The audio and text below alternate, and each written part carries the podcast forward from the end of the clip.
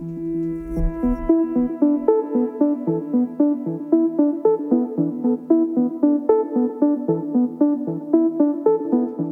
til månedskriftet. Mit navn er Christian Føds. Jeg er redaktør og vært. Afsnittet her hedder Når lægen går på kursus. Og det handler om, hvad vi kan gøre, for at vi får bedst mulig effekt af vores egen og personalets kursusdeltagelse. For du kender det sikkert godt. Du har tilmeldt dig et kursus, som du har glædet dig til.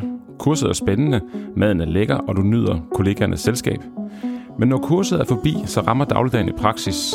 Kursusmappen står i reolen, og det lærte er ude af horisonten. Du får ikke fuldt op for dine gode intentioner og det, du har lært. Og hvis du har det sådan, så er det faktisk ikke så underligt. For ifølge den amerikanske professor Robert Brinkerhoff er det nemlig kun ca. 15% af al uddannelse, der har en tydelig målbar og positiv effekt for arbejdspladsen. Så det rejser jo så to centrale spørgsmål. Går vi egentlig rigtigt på kursus, når vi går på kursus? Og hvad kan vi gøre anderledes, sådan så vi selv og vores patienter de får mest, bedst mulig gavn af det, vi lærer? Og det skal jeg snakke med dig om. Ben Gringer, stor velkommen til dig. Tak skal du have. Ben, du er chefkonsulent i PLO's efteruddannelsesafdeling. Du er ikke læge, men du er uddannet af Kansken Pol, og så har du lavet en Ph.D. om kompetenceudvikling på CBS. Ja. Det her med, at man, at man går på kursus, og man lærer noget, og man ikke rigtig får implementeret det i sin dagligdag. Er det et billede, du kan genkende? Ja, det er det, det, er det i høj grad. Øh, altså jeg kan genkende det fra mig selv. Jeg har været på en milliard kurser i mit liv, og det er nogle, altså lært enormt meget og haft alle mulige gode øh, intentioner om at gå hjem og bruge det, og det er de færreste. Det er de færreste ting, jeg overhovedet har fået realiseret, og det er ikke fordi, jeg ikke vil, men man kommer hjem til en dagligdag, der er smækfuld af noget andet. Og jeg kan også se det i den verden, øh, jeg er i nu. Jeg har overvejet et par kurser og tænker, Øhm, altså det her, det må være svært at omsætte det alt sammen, og, og det er det så også, viser undersøgelser jo. Og når vi taler med nogle af vores kursister, de får altid noget ud af det, men det er ikke altid, at det kommer ud gennem hænderne bagefter. Og hvorfor er det svært? Jamen det er jo svært, øh, fordi man kommer hjem til en hverdag, der er travl øh, og som ikke bare er arbejdstravl, men også privatlivstravl, og hvis man skal gøre noget anderledes, så skal man bruge energi på det, man skal tænke det, man skal beslutte sig for det, det er besværligt. Vi er oppe mod vaner, øh, herunder også organisatoriske vaner i, hvis vi kommer hjem i en klinik, hvor der er andre end os selv, øh, Øh, så spiller alt det, øh, spiller alt det med. Øh, det kan godt være, at dem hjemme i klinikken synes, det er noget underligt noget. De skal have det forklaret, og de synes måske ikke nødvendigvis, at det er helt rigtigt, og sådan, så bliver det mere besværligt. Så, så vores egne vaner, organisatoriske vaner, konteksten, der synger med, og så måske også det faktum, at vi nogle gange går på kursus uden egentlig at have tænkt over, hvad er det, at jeg skal bruge det til. Altså, jeg vil gerne have noget at vide, men men hvad skal jeg bruge det til? Og det ved jeg, det er noget af det, du siger er rigtig vigtigt, som vi kommer tilbage til. Og for lige på at sætte lidt dagligdag på det her, altså det, det, er jo, det klassiske er jo, at man tager på et eller andet kursus, hvor man bliver fagligt opdateret på et emne, for eksempel osteoporose, og så er det egentlig, bliver man næsten overloadet med viden, øh, og man kommer hjem, og man har en intention om, nu skal vi også kalde alle vores øh, patienter, som kun har osteoporose, og prøve at screene dem, finde ud af, øh, hvordan vi får, og, men det bliver bare aldrig rigtigt til noget, og det er der mange benspænd til.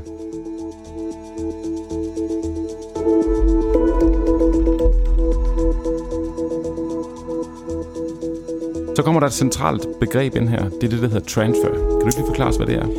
Jo, øh, og, og det bygger sådan set på den tankegang, at øh, jamen, hvis vi lærer noget i en sammenhæng, for eksempel en kursussammenhæng, men vi skal bruge den i en anden, så skal der ske et transfer af viden fra den ene sammenhæng til den anden, altså fra konteksten. Og det er jo det, der, der kan være nemt forholdsvis nemt på et kursus på et par dage at sidde og øve og træne nogle ting, men når man så kommer hjem og skal passe det ind i et format, hvor man har 12 eller 15 eller 10 minutter til den enkelte patient, så bliver det pludselig svært. Øh, og, øh, og så er transfer, altså overførelsen, den er for lille.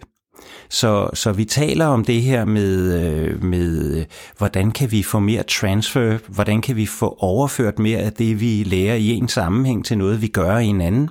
Og det er der en række faktorer, der, der afgør. Og det er jo sådan noget, vi skal kigge på, hvis vi faktisk vil have effekt af vores efteruddannelse. I hvert fald effekt, som kommer patienterne til gavn.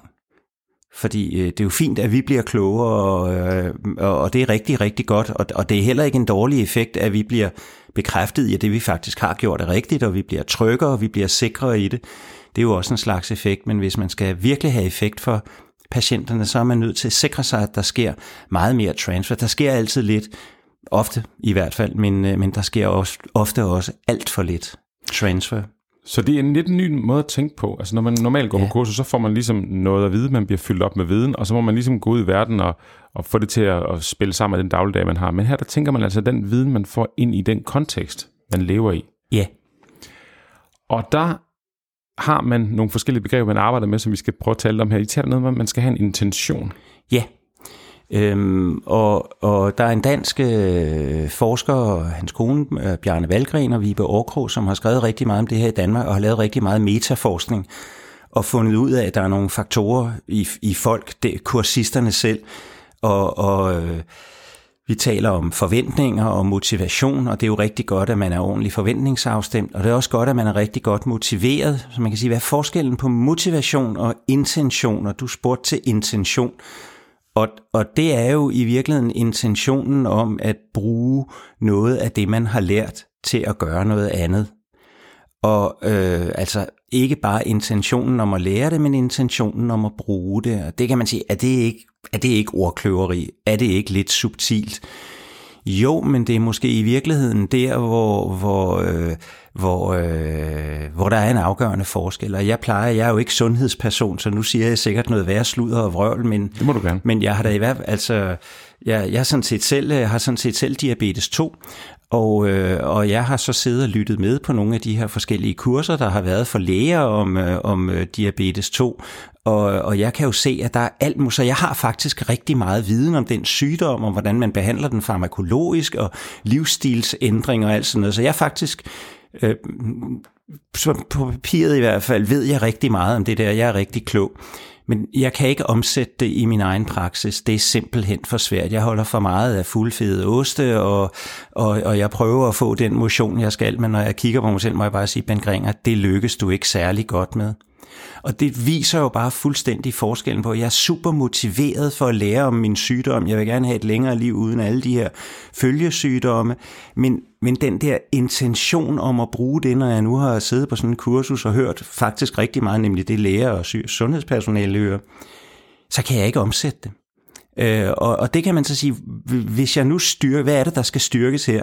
Ja, der skal jo ikke læses mere viden på i hvert fald. Og det er det, der er det afgørende i hele det her transferprojekt med kurset, at mere viden betyder ikke nødvendigvis, at vi gør noget mere. Vi må kigge på nogle af de faktorer, der forhindrer os, eller gør det besværligt for os, at omsætte den viden, vi har. Og så skal vi måske bruge mere tid på det, og lidt mindre tid på at læse mere viden på, ikke? I, en, i en kursussammenhæng. Så hvis ikke det er mere viden, der er afgørende, hvad er det så, der er afgørende? Jamen, øh, ja, det er ikke mere viden. Vi kan sige, motivationen er til stede. Øh, vi kommer jo på kurset. Øh, men, men det der med rigtigt at tænke igennem, hvad har du helt præcist tænkt dig at, øh, at bruge den her viden til? Har du tænkt dig at gå hjem og lave din praksis i klinikken om? Har du tænkt dig at indkalde nogle flere patienter? Har du tænkt dig at gøre noget andet? Øh, og, og, og tænke det et skridt længere frem og få lagt nogle planer, få involveret nogen og få øget. Og det er det andet meget centrale begreb, øh, det er forpligtelse.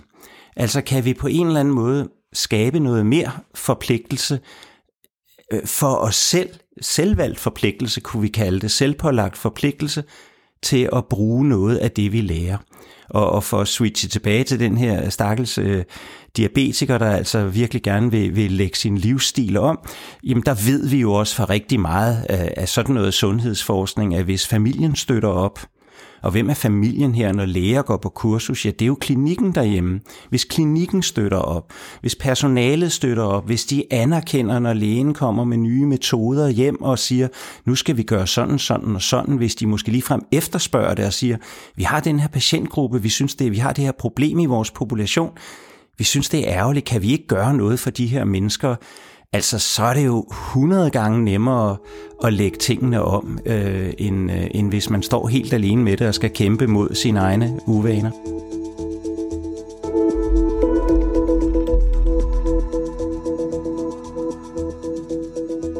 Jeg ved, den her transfer-teori, som vi taler om nu, der taler man jo om, at øh, for at få en god implementering af den viden, man får, så skal man bruge 40% af sin energi, før man tager på kursus, 20% på kurset og 40% efter. Ja. så, det betyder, så, så det betyder, at det, det, det vi skal prøve at kigge på nu, det er det, der hedder før kurset. Hvad gør man før kurset, og hvad gør man efter kurset? Ja. Så lad os lige prøve at høre, hvordan starter hvis nu kigger på før kurset, hvordan forbereder man sig bedst muligt, sådan så, så, så, så klinikken og patienterne får bedst effekt af det kursus, man skal på? Altså når man, når man selv skal på kursus? Jamen en af, en af de her øh, ting, øh, for det første er det en god idé at, at tjekke efter, er det nu det rigtige kursus, øh, øh, man er på? Altså handler det faktisk om det, som man egentlig synes, man, man har brug for? Og der, der skal man jo også lige være opmærksom på, at der er jo andre ting i at tage på kursus end, end selve det faglige indhold. Der er jo også afbræk i dagligdagen, det er som regel i nogle behagelige omgivelser, så der kan være alle sådan nogle ting, som, som på en eller anden måde ikke nødvendigvis fremmer indlæringen, og heller ikke, måske heller ikke skader den, men, men som kan være mere eller mindre legitime formål, og det skal man ligesom have skrællet fra, og så skal man se, øh, når vi så kigger på indholdet, er det så det rigtige, jeg kommer ud for, og er det det, jeg gerne vil?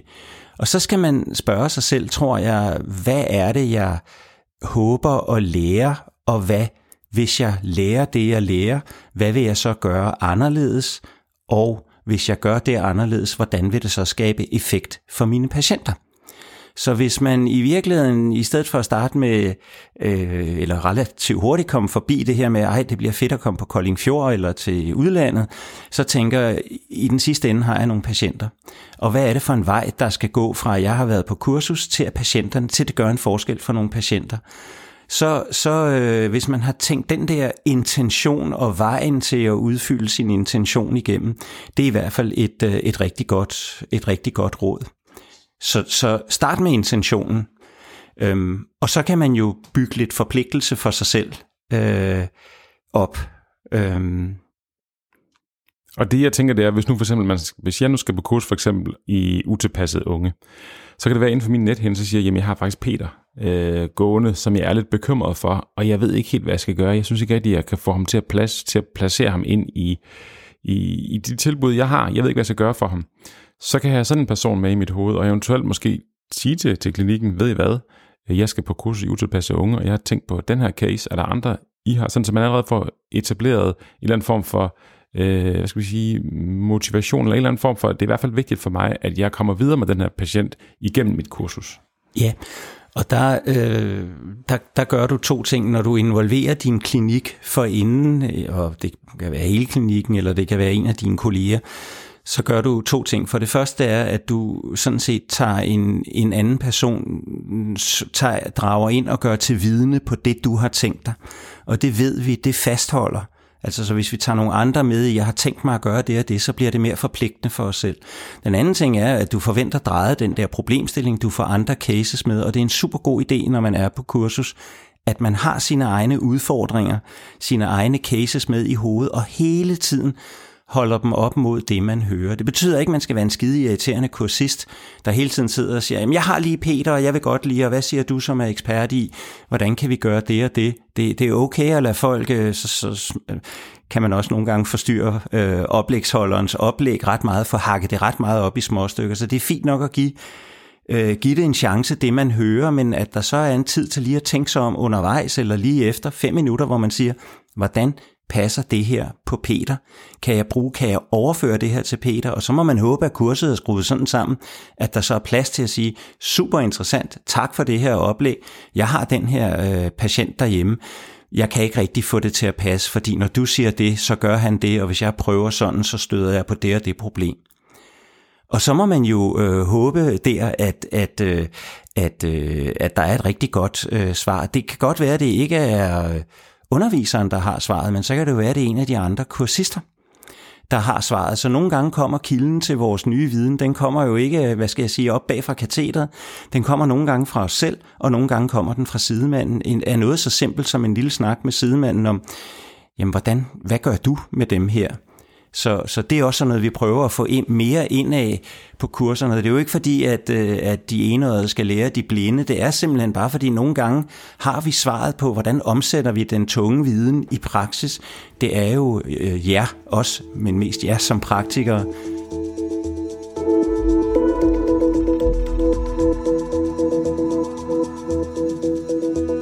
jeg, jeg lavede en artikel til månedskriftet, og øh, den udkommer i oktober, øh, som handler om, øh, når man læger går på kursus, og der er der sådan en lille tickbox, man kan slå op og læse i, om at man skal huske en sådan en checkbox, øh, en checkliste før kurset.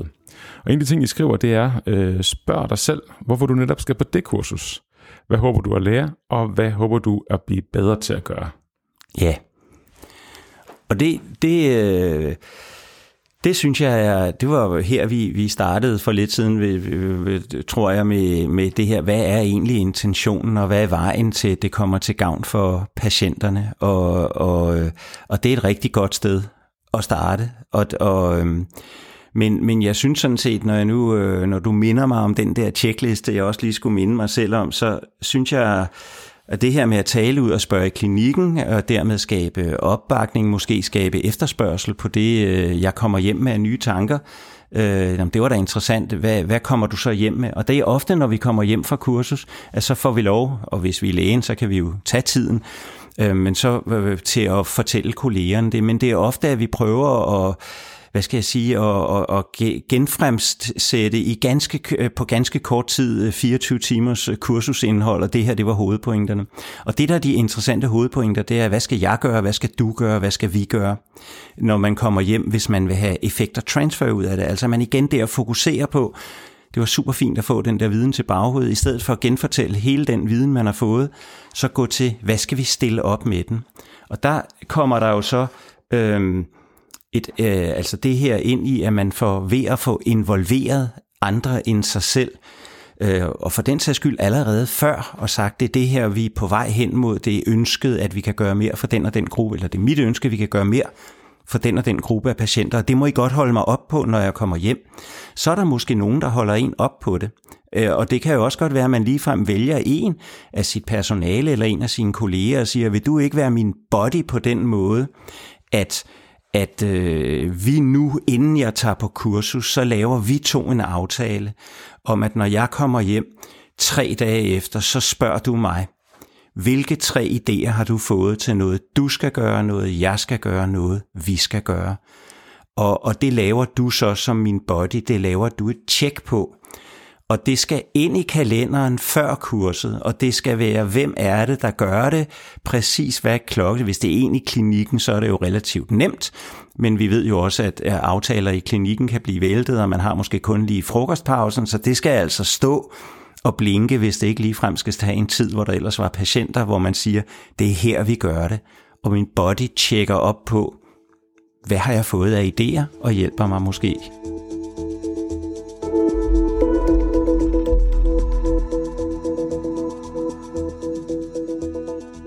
Så hvis du sidder og lytter med lige nu og tænker, det lyder interessant det her, hvad kunne jeg gøre? Så tænker jeg, at man kunne jo starte med allerede nu at tænke på, hvornår er ens næste kursus? Ja. Og så det klinikmøde, eller personalemøde, eller lægemøde, man har inden, sæt det på dagsordenen. Fortæl, hvad du skal på kursus i, og så kunne man eventuelt, øh, hvis man har månedskriftet liggende, lige, lige have de her øh, spørgsmål op, og få en diskussion i lægegruppen, eller i hele lægehuset. Hvad er det egentlig, vi vil med det her kursus? Og på samme måde, efter øh, kurset, så sæt tid af i kalenderen, et kvarter, måske en halv time, til at gå ind med sin body, og det er jo et, noget, I bruger meget, øh, det her med at have en body. En, en kammerat. En kammerat, ja, som, som holder en op på de her aftaler, man faktisk laver øh, for klinikken. Ja. Ja, det er ja, bodyprincippet er sådan et, vi bruger i, øh, i læringsverdenen, og det kommer jo fra USA og sådan noget, og herhjemme er det sådan lidt, fordi body, er det en body som en kammerat, eller er det en body som øh, en krop, og hvorfor kalder vi det ikke noget andet, og er det ikke lidt amerikansk? Men det er nu altså det, det hedder i den der verden, og det er jo den der øh, træningsmarker, man kan have en body, som ikke skal tage ansvaret sammen med en, men sådan set bare skal hjælpe en. Og, og, og det her body-princip, og det, det er det nu, den her body skal hjælpe ind i, nemlig, jeg synes, det er en super god idé, du har, Christian, det der med allerede nu at gå ind og få øh, det her møde, lægemøde, før man går på kursus og få inputtet, og på det møde kan man måske finde den body, som skal hjælpe en, og så kan man der lave altså inden kurset lave en aftale om, det er til dig, jeg afleverer de her 3, øh, 6, 9 idéer til noget praktisk, vi skal gøre, der skal komme ud af mit kursus. Og fidusen i at lave aftalen før kurset, eller fidusen i, som du nu siger, at lave aftalen om møde før kurset, det er, at det står og blinker i underbevidstheden. Så det, man skaber en forpligtelse for sig selv, og når man ved, at man skal på kursus, Øh, og, og at øh, tre dage efter man kommer hjem, der ved jeg, at Søren han spørger mig, Nå, Bent, hvad fik du så af tre gode idéer eller fem gode idéer til noget, vi skal gøre i praksis? Så går jeg til kur på kursus på en anden måde. Så tænker jeg, ej mand, fuck, det er skide interessant det her, men hvad kan jeg bruge det til? Jeg skal jo komme hjem med fem idéer, og jeg kan jo godt se, eller tre, jeg kan jo godt se, at jeg er til grin, hvis jeg kommer hjem og siger, det var altså en super fed kage, vi fik der øh, på kursets anden dag, den skal vi da prøve at, at lave eller spise her. Ikke? Så, så jeg forpligter mig jo på en eller anden måde, og bodyen, bodyen skal ikke nødvendigvis, det er jo ikke være den, der afgør ideen, skal heller ikke være med til at løfte projektet. Det er jo sådan en, Altså hvis jeg tænker, jeg vil super gerne, nu vil beslutte jeg mig for, at jeg vil tage 20 push-ups hver morgen, øh, så skal min body være sådan en, der siger, really, Ben Gringer, vil du tage 20 øh, armbøjninger hver morgen? Ja, det vil jeg. Så det vil sige, hvis jeg ringer til dig i morgen kl. 8, så har du taget 20 armbøjninger. Ja, er det vil det sige. Fint, så ringer jeg i morgen kl. 8. Så tænker jeg der, klokken er 10 minutter 8. Fuck, nu ringer Christian om 10 minutter, og jeg skal have taget de der 20 armbøjninger. Hvis jeg ikke har fået det gjort før, så mig ned på gulvet, og så tager jeg. Og, og så siger Christian, ej, hvor er det super godt. Du tog de 20 armbøjninger. Hvis jeg ringer til dig i morgen, har du så taget dem igen? Ja, det har jeg. Og sådan bliver man ved, indtil det er blevet til en vane. Og, og, og det er jo lige præcis det er meget sådan noget vaneforskning, som er meget populært, stort felt lige for tiden, viser os, at det er, at det tager tid at køre vaner ind, og det er altså bare 100 gange sværere, når man skal gøre det selv, end hvis nogen hjælper en. Så, så den her vane med at få idéer, hvis nogen efterspørger, siger, hvis jeg ringer til dig kl. 8 eller kl. 12, eller vi har det her møde kl. 12, har du så fået tre idéer? Ja, det har jeg. Så kan man jo aftale et bodycheck mere. Jamen, så lad os tage en af idéerne. Hvad for en af dem? Jamen, den her, den vil jeg præsentere på et personalmøde, eller jeg vil skrive nogle fraser, eller jeg vil lave om på nogle af vores rutiner. Okay, hvornår har du gjort det? Jamen det har jeg så gjort om en uge. Så hvis jeg ringer om en uge, eller spørger dig om en uge, og sådan. Og det, der også ligger i body, det er også, hvis nu du har sagt, at jeg vil tage 300 armbøjninger, så kan bodyen også være det, der siger, tror du, det er realistisk? og, og, ja. Og, og, og hvis man nu bliver, bliver Super fast, god pointe. Ja, og ja. hvis nu man bliver, bliver, bliver i, i det her body-tankegang og tænker i en praksis, det kunne også være måske, at man som praktiserende læge, hvis man skal på uddannelse, øh, havde øh, uddannelseslægen som body. Ja. Øhm, fordi at uddannelseslægen, for, så får uddannelseslægen også noget tid i kalenderen og har tid til supervision, hvor man faktisk kan bruge det der øh, mm. og implementere det Øh, og uddannelseslægerne går også rigtig meget på kursus, i hvert fald i nogle dele af uddannelsen. Ja. Øh, sådan, så, man, så man faktisk som fra tidligere som fyrer mig allerede lærer der, at der er sådan noget, der hedder implementering. Ja. Jeg er på gå på kursus, så er det ikke et eller andet soloprojekt, øh, hvor jeg får en hel masse viden, og i øvrigt kan sidde og slappe af, øh, men det er faktisk noget, som forpligter. Jeg vil sige, noget af det, som I arbejder med, ved jeg internt, det er jo også, at man på sådan et kursus får lov til undervejs og ligesom øh, uddrage de, de essensen af det, jeg kan bruge til det. At man faktisk har refleksionspauser, hvor man får skrevet på et stykke papir, hvad kan jeg bruge i dagligdagen? Så når man kommer fra sit kursus, så har man faktisk, et af de produkter, man har, det er faktisk ting, man kan implementere i dagligdagen. Og Ben, tiden går. Okay, øh, der, men der er en ting, der er meget vigtig ja, lige at sige, om, ja, øh, som, om, om, inden vi dropper body-princippet. For yes, jeg kan, ja. og, og det er bare, når du siger det der med lægen og uddannelseslægen, og jeg har talt om, og vi har talt om, at man kunne finde en body i klinikken.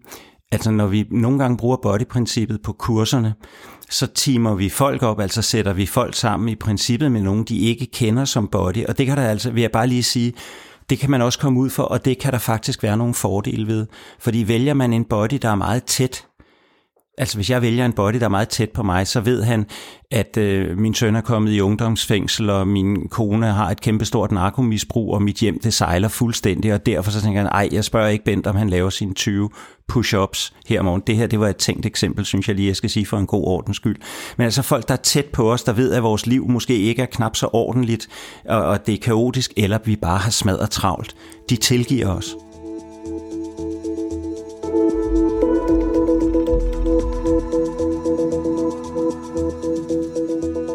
Altså det vigtigste råd, når man er på kursus, tror jeg, det er, at man tænker, at man ikke nødvendigvis lærer af at læne sig tilbage og lytte. Altså, øh, man kan måske, øh, altså, man, jo mere man involverer sig, jo mere lærer man, som, som man også kan omsætte bagefter. Så så, så din involvering som kursist, altså at du hele tiden holder dig op mod nogle udfordringer, du har, at du uden at være en pestilens for oplægsholderen, stiller spørgsmål, og ikke nødvendigvis konkrete, jeg har den patient, der, hvad vil du anbefale lige præcis her, men, men, øh, men, men trækker dine udfordringer ind og prøver at få svar på dem. Og det har du som, hvad skal vi sige, kursist, altså rigtig, rigtig stor glæde af, hvis du gør, hvis du involverer dig meget, meget mere, end bare tænker, hvis jeg læner mig tilbage og lytter og kan huske noget af det og tager noter, så er alt hjemme. Det er den ikke. Og som jeg fik nævnt tidligere, så ved jeg også, at der på de indre linjer foregår en masse i forhold til at tænke den her transfer-tankegang ind i kurserne. Ja. Så man kan nok forvente i de næste par år, at uh, der, vil blive, der vil blive mindre katedralundervisning, det vil blive mere involverende, man som deltager kommer lidt mere ud af lytterollen, og man tænker mere på, hvordan får man implementeret det, som jeg har lært efter kurset. Ja, og jeg synes, altså nu er I som læger og sundhedspersoner, I er jo, altså har jo lange uddannelser og har haft meget, meget lang tid i auditorier, hvor man har øh, haft forelæsninger. Og, og, og det er jo ikke mærkeligt, at vi så tænker, at det er den måde, man lærer på.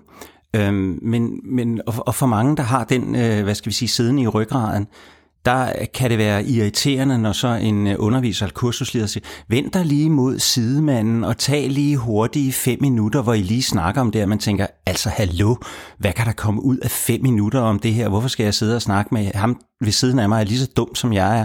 Hvad får vi ud af det? Men det man får ud af lige præcis det trick, det er, at ens hjerne, ens sind begynder at sige, okay, at det jeg har hørt, nu skal jeg altså sige noget til sidemanden, og, og så foregår der en eller anden stillingtagen til det, jeg har hørt den sidste halve time, og måske foregår der en, en eller anden ubevidst prioritering af, når jeg så vælger at sige til sidemanden, det, det og det. Og den bevægelse er noget med, at vi involverer andre dele af os selv i et mere aktivt forhold. Så det er ikke fordi, vi skal producere ny viden, med sidemanden eller måle effekten af, af lige præcis den her, det her lille greb på, blev jeg klogere af at snakke med sidemanden. Dette er en måde ligesom at vende bevidstheden fra oplægsholderen og fra at lytte og til at aktivere nogle centre, der handler mere om, hvad kan jeg bruge det til at sige det til sidemanden? Ja, for jeg ved jo, hele den her øh, transfer-ting, I arbejder med, det hviler på skuldrene en masse forskning om, hvordan vi rent faktisk lærer, hvordan vi lærer viden. Ja. Og en ting er, at vi lærer ved at lytte på en, der siger noget, men der er mange, mange andre meget mere effektive måder at blande det op med, ja. så vi lærer bedre. Ja. Jeg vil ønske, vi så, havde masser af tid. Det har vi ikke. Bent, hvad hedder det? Men det, vi skal tilbage, det vi skal, vi skal frem til, det er så det her efterkurset. Yes. Øh, den artikel, som jeg omtalte før, der, der er faktisk en, en, en checkliste til, hvad man skal gøre efter kurset. Men prøv lige at fortælle mig, hvad er vigtigt, når man så kommer hjem fra sit kursus? Jamen, øh, det vigtige, altså, jeg tror, når man kommer hjem i kurset, så kommer man hjem i, i konteksten. Og, og konteksten, den synger med. Det er der, hvor det er anderledes. Vi kan sidde og, og have alle mulige øh, gode snakker på et kursussted, men når vi kommer hjem, så skal det omsættes og, og der er to ting, der er super vigtige. Der, den ene er, det er, at vi holder fast i vores intention om faktisk at bruge det. Og ikke bare sige, det var interessant, mm, jeg kan bruge én ting, og det har jeg måske halvvejs glemt om en uge. Og den anden ting, det er at involvere kolleger og klinikken, øhm, personale. Så, så de to ting, de er super vigtige, og det kan man jo gøre på flere forskellige måder. Øh, vi har været inde på det her body-princip, hvor det hjælper jo mig, hvis jeg et par dage efter, jeg kommer hjem, så er der en, der siger, nå, men du lovede jo, at du vil komme med tre idéer. Tre idéer til hvad? Jo, men altså, hvad vil du selv gøre anderledes? Det kunne være rigtig, rigtig interessant lige at sige det. Jeg vil fremover gøre sådan, sådan og sådan hvad skal jeg som din kollega, eller hvad skal vi alle sammen, eller hvad skal hele klinikken gøre anderledes i forhold til denne her patientgruppe? Jamen, jeg har tænkt sådan, sådan og sådan. Okay, hvad, hvad er så første skridt i det?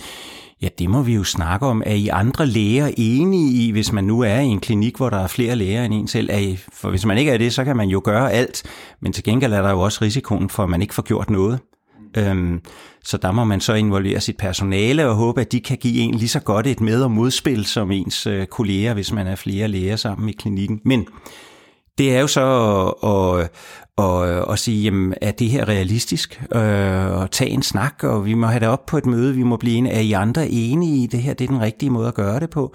Skal vi så fremover gøre det og det og det? Hvem gør rent faktisk hvad? Er der nogen, der skal have mere tid? Skal vi sikre, at nogen, hvis vi ikke alle sammen skal gøre det samme, øh, skal for eksempel øh, nogle af vores personaler, skal de have nogle andre opgaver? Sådan så vi faktisk siger, at det her, det lægger vi hen til dem. Øh, men så skal de nok også have en ret klar besked om, at, øh, at øh, det er den her måde, og vi skal sammen med dem finde ud af, hvordan gør vi det, og måske skal de have noget træning øh, og sådan noget. Alle de vanskeligheder skal jo gerne øh, overvindes. Og det vil jeg også lige sige, når man så skal hjem og lave en forandring i sin praksis, i et liv, hvor alle vil have fat i en, og man kommer hjem, man har været på kursus, så der venter en masse mails og en masse spørgsmål, så det er vigtigt, at den forandring, man laver, den er realistisk, og den er også attraktiv. Øh, og, og det, det må ikke være for stort. Jeg ved fra mit eget kursusvirksomhed, her blandt andet et kursus i metakognitiv terapi, som tager to dage øh, i PLO E-regi. Og det, den, den forandring, som man kan komme hjem med, det er for eksempel, ved nogen ved, at de sidder og arbejder med en frase, Øh, som de så kan, kan gå ind og så bruge i deres fraser og sige, det laver den første samtale, laver den anden samtale. Og nogen gør også det, at på kurset, i slutningen af kurset, logger de ind på deres øh, journalsystem, og så går de simpelthen ind og booker øh, nogle tider til samtaleforløb øh, med nogle patienter og skriver til mig, om de er interesseret i det. Det nævner jeg, fordi det, det, det, det med, at det er relativt overkommeligt tidsmæssigt at gøre. Øh, det må ikke blive kæmpe store projekter, øh, men det skal være overkommeligt, og det skal være noget, der rent faktisk gør en forskel.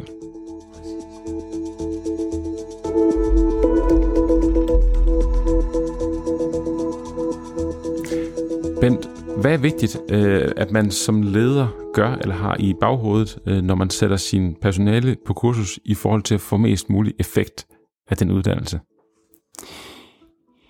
Jamen, øh, nu har vi jo talt meget om det fra kursistens synsvinkel, og det er jo klart, at hvis man nu er kursistens leder, så har man jo alle muligheder for at gå ind øh, øh, før og sige, super fedt med det der kursus, du gerne vil på, øh, og, og jeg kan godt læse kursusbeskrivelsen, så du behøver ikke at fortælle mig om dine forventninger til, hvad du regner med at lære. Jeg kunne godt tænke mig at høre, hvad vil du gerne gøre?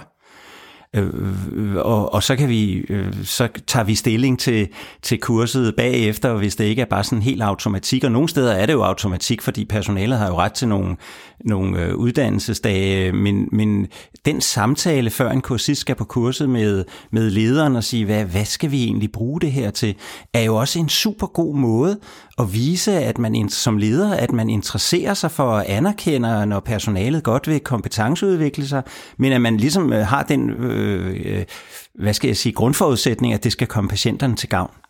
Så og, hvis jeg har en, lad os sige, jeg har en sygeplejerske, der skal til øh, kol for ildsjæle i næste uge, ja.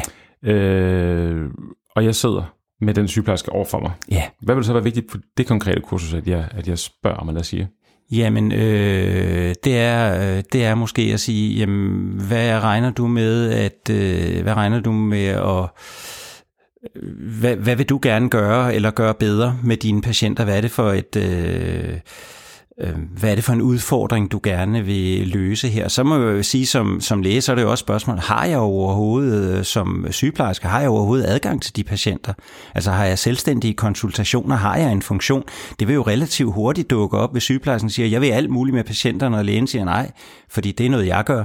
Jeg har ikke noget imod, at du bliver klogere på de der kolpatienter, hvor herre bevares, det må du da gerne, men, men du har ikke noget med dem at gøre. Øh, og, og, og her ved jeg jo tydeligvis ikke nok om, hvordan man organiserer den slags arbejde, men jeg har været på nogle kurser, hvor, øh, hvor syge, øh, for praksispersonale, hvor det så viste sig, at sygeplejerskerne, de havde ikke, altså det var et problem, det var sådan et modulopbygget kursus, så de skulle gå hjem og lave nogle hjemmeopgaver, og, hvor de skulle prøve noget af på nogle patienter, og de havde bare ikke haft nogen af de patienter. Men det synes jeg var en super vigtig samtale at have, fordi det taler jo ind, som jeg hørte i det, der hedder intention. Præcis. At, at, hvis, man, at hvis man jeg sidder sådan og, og identificerer mig med den samtale, og så tænker jeg, jamen, hvis jeg som leder skulle sidde og høre det, så vil jeg sige, jamen, hov, det kunne være måske, at vi skulle organisere det anderledes øh, med kolpatienter, hvis det er det, du ønsker med det her kursus. Øh, Præcis, og, ja. så, og så kan man jo lige pludselig begynde at, at udvikle sin klinik på en, på en, på en sjov måde.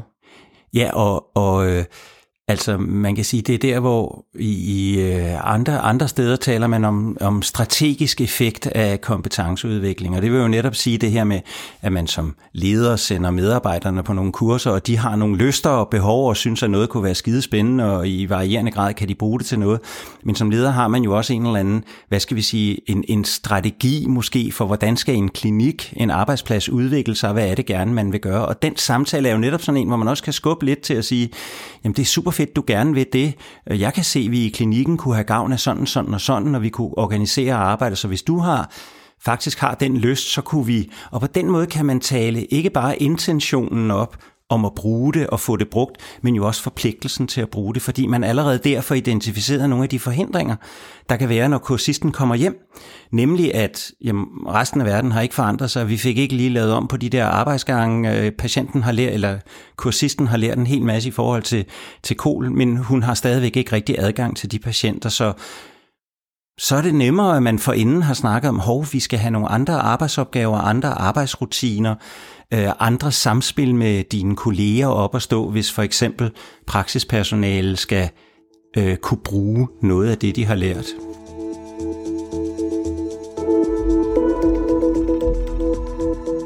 Bent, vi er ved at løbe tør for tid, men øh, det er, har været en enormt spændende snak at have med dig. Øhm, og jeg vil sige til dig, at øh, jeg har jo reklameret for den artikel, jeg har skrevet om læger, der går på kursus, men I skriver, I skriver faktisk også en artikel om, når man sætter sit personale på kursus. Ja. Og hvem ved, om der kommer flere artikler fra jeres hånd, I er i hvert fald meget velkommen til at skrive mere om emnet. Lad os lige prøve at, øh, at opsummere nogle af hovedpointerne. Ja. Vi har hørt om transfer, og transfer det er et centralt begreb, og det handler altså om det her med at få omsat den viden, man får på et kursus, til sin kliniske dagligdag, så patienterne i sidste ende får gavn af det. Yes. Og så har du talt om nogle meget vigtige begreber her. Det er det, man har en, en intention, at man har noget, man gerne vil med sit kursus. Ja. Og det, at man har en forpligtelse. Ja. Og forpligtelse, der har du talt om det her med, at man har en body. En body kan være en person, man har på sit arbejde, som man som en form for marker. Øh, et mm. professionelt forhold, men må man lige få, få clearet af med hinanden. Jeg havde det her, det ville jeg faktisk gerne. Øh, og hvad blev det så til? Ja, altså det? En, en, der minder en om, at man er kommet hjem med en masse gode intentioner, og som derfor også hjælper en med at holde fast i, i bare nogle af dem, øh, inden man bliver øh, altså knust i, i det tidspres, der er, når man kommer hjem, og man har været væk. Så har vi hørt om øh, før, under og efter. Det vil sige, at øh, man skal sådan moderne sagt, man skal bruge 40% af sin energi før kurset, 20 på kurset og ja. 40 efter. Det kan godt være, at man ikke skal tænke det tidsmæssigt, for så er det godt nok meget tid, man skal bruge på det.